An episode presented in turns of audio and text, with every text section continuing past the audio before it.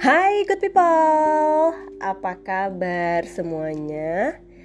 Saya berharap Anda, kamu-kamu semua selalu berada dalam keadaan sehat ya Bahagia dan sukses terus dalam apa pun yang sedang Anda lakukan saat ini Well, udah hampir akhir minggu lagi nih uh, Kira-kira good people udah punya planning belum? Weekend ini mau ngapain? Selain nonton atau menghabiskan waktu bersama keluarga apa pun itu tetap jaga prokes ya. Kalaupun pengen banget jajan keluar tetap perhatikan uh, protokol kesehatan. Jangan lupa covid masih merajalela. Oke okay, good people.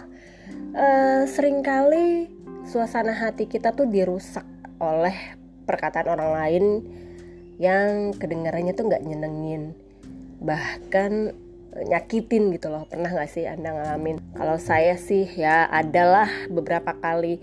Dan kadang-kadang mungkin cenderung bersifat fisik atau ya pokoknya gak nyenengin lah gitu. Dan itu tuh ada beberapa yang seperti ngerusak hubungan gitu loh. Artinya saya jadi nggak seneng sama tuh orang gitu saya uh, menghindari ketemu tuh orang atau bukan menghindari ketemu tapi mungkin lebih menghindari untuk berinteraksi uh, terlalu banyak.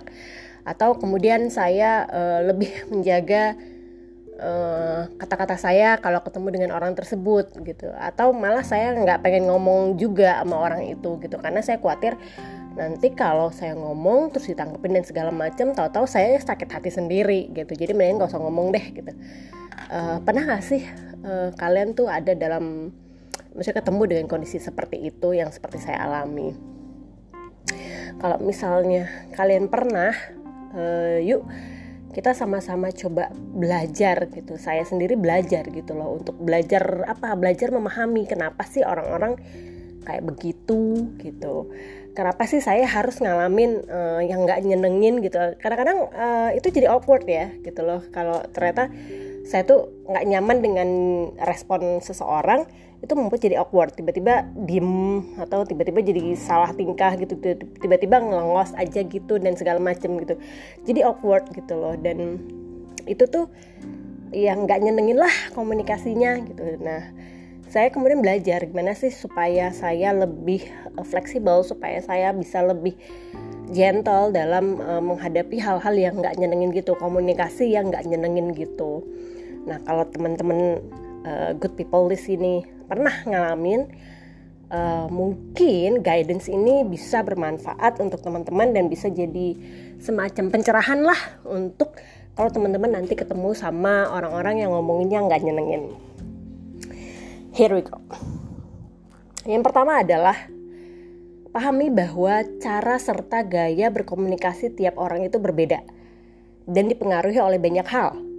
Mm -hmm. Termasuk karakter dan tipe kepribadian seseorang. Juga lingkungan sekitar, eh, pengetahuan, eh, peran yang sedang dijalankannya, artinya posisinya lah gitu ya, dalam pekerjaan atau dalam komunitas atau di mana pun itu sama pengalaman-pengalamannya sebelumnya. Nah, kadang-kadang uh, kondisi fisik dan emosinya pun plus jenis kelamin juga dapat mempengaruhi gimana komunikasi seseorang. Ya, itu kita harus paham dulu. Nah, terus um, setelah kita paham terus harus gimana lagi? Yang kedua, jangan terburu-buru memberikan reaksi Nah ini kita nih ya kecenderungan kita nih kalau misalnya ada orang ngomong nggak enak dikit tuh ya saya sih juga pernah begitu ya. Dulu dulu saya begitu. Kalau ada orang ngomong saya nggak suka dikit saya melengos aja gitu. Artinya saya langsung menarik diri gitu. Saya lebih banyak diem lebih banyak dengerin aja gitu. Dan bahkan kadang-kadang saya nggak terlalu merespon uh, lawan bicara saya gitu. Tapi itu uh, ternyata harusnya sih nggak boleh kayak begitu. Jadi mestinya kita tuh nggak terburu-buru memberikan reaksi um, karena respon yang buru-buru bisa saja uh, tepat bisa aja sih bener responnya tapi seringnya justru sebaliknya seperti yang pernah saya lakukan itu.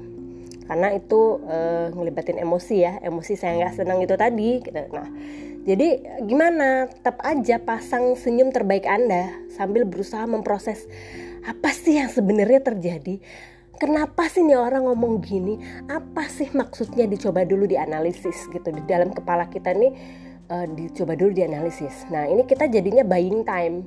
Ya kita jadinya uh, buying time buying time untuk memberikan jawaban yang lebih tepat lah gitu.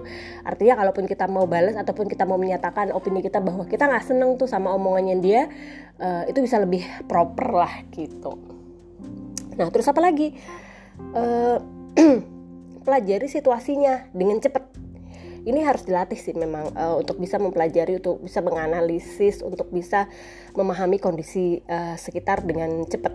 Kenapa? Uh, ya kita harus tahu sedang ada di mana kita nih.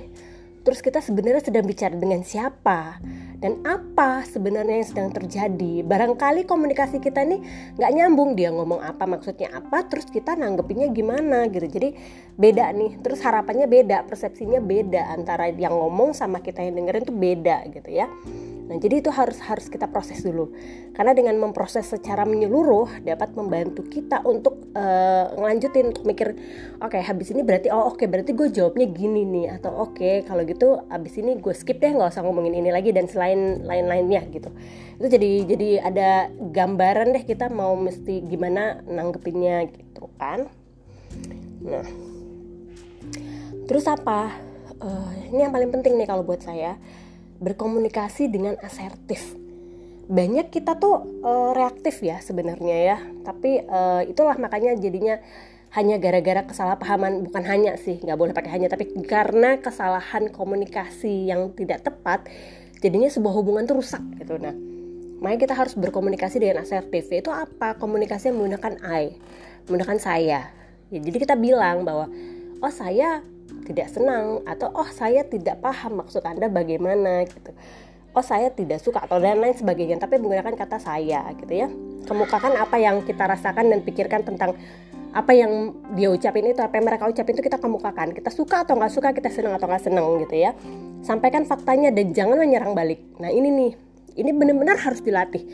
Jangan menyerang balik ini benar-benar harus dilatih kecenderungan kalau kesel pasti pengen nyerang balik dong ya. Masa gue doang sih yang ditusuk? Gue juga pengen kali nusuk-nusuk orang juga gitu loh.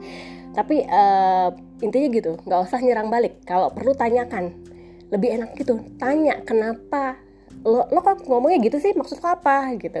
Tapi nggak usah pakai emosi ngomongnya e, maksud lo gimana? Gue nggak ngerti. Gitu kan. Jadi uh, beda gitu loh cara penyampainya. Ya jangan lupa bicara tetap dengan santun gitu. Jadi tunjukin uh, bahwa kita tuh emang benar bertanya maksudnya dia apa? Bukannya kita menyerang balik dan bersifat defensif. Gitu. Ya sih. Nah yang kelima. Ini juga ini tips saya yang terakhir tapi ini juga yang paling sulit menurut saya ini paling sulit ya. Apa? Selalu berprasangka baik. Eh uh, Beh, kalau orang udah ngomong jelek tuh udah pasti prasangka kita udah jelek lah ya. Gimana caranya mikir orang tetap baik, orang ngomongnya aja nggak baik gitu loh istilahnya gitu. Orang ngomongnya nyakitin gue, kenapa juga dia baik gitu ya. But still, ini tuh harus dilatih gitu. Karena kita nggak pernah nggak pernah tahu kapan kita akan ketemu dengan orang ini lagi atau kapan kita akan butuh bantuan nih orang gitu loh. Ya kan? Jadi, dan kita juga belum tahu kan, uh, nih orang sebenarnya maksudnya apa gitu loh. Jadi, selalu berprasangka baik aja dulu deh apa pun yang diucapkan seseorang kepada Anda, kepada kita nih, belajar untuk menanggapinya dengan positif. Gimana pun gak nyenenginnya hal itu.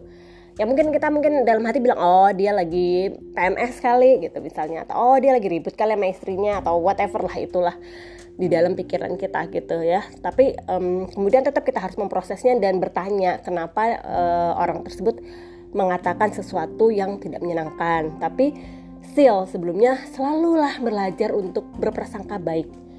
Ini akan membantu sebenarnya supaya kita tuh nggak terjebak dalam rasa benci, cielah terjebak dalam rasa benci. Ya gitu deh pokoknya nggak terjebak dalam rasa benci pada orang lain gitu. Gara-gara nilai setitik rusak susu sebelah nggak. Gara-gara gue kesel nih orang ngomong apa jelek banget ke gue. Gue jadi nggak mau kenalan lagi sama dia nggak pengen berurusan lagi sama dia. Padahal ternyata suatu hari gue ketemu lagi sama dia dan dia tuh ternyata bisa ngebantu gue misalnya dalam karir kah dalam kehidupan uh, komunitas kah dalam kehidupan apalah gitu. Jadi selalu berprasangka baik. Nilai plusnya adalah kita akan eh, ada punya aura sendiri. Ya aura kita positif yang justru membuat orang lain akan nyaman berada di dekat kita dan itu penting. Membuat orang lain merasa nyaman berada di sekitar kita itu penting banget. Nah, karena itu supaya kita eh, nggak uh, baperan, jadi selalu uh, belajar untuk berpro, berprasangka baik terhadap apa pun yang disampaikan oleh orang lain kepada kita. Well, good people, itu tadi guidance saya uh, untuk uh, teman-teman yang kalau misalnya suatu hari nanti menghadapi suatu kondisi komunikasi yang nggak nyenengin ketika anda ketika kamu ketika kalian dan termasuk saya uh, diomong ke jelek oleh orang lain oke okay, saya harap uh, guidance saya hari ini bermanfaat dan kalau Anda menemukan bahwa tips saya membantu, silahkan mention saya, silahkan share dan mention saya di IG saya at ririn underscore rosalin. Oke, sampai ketemu lagi. Bye.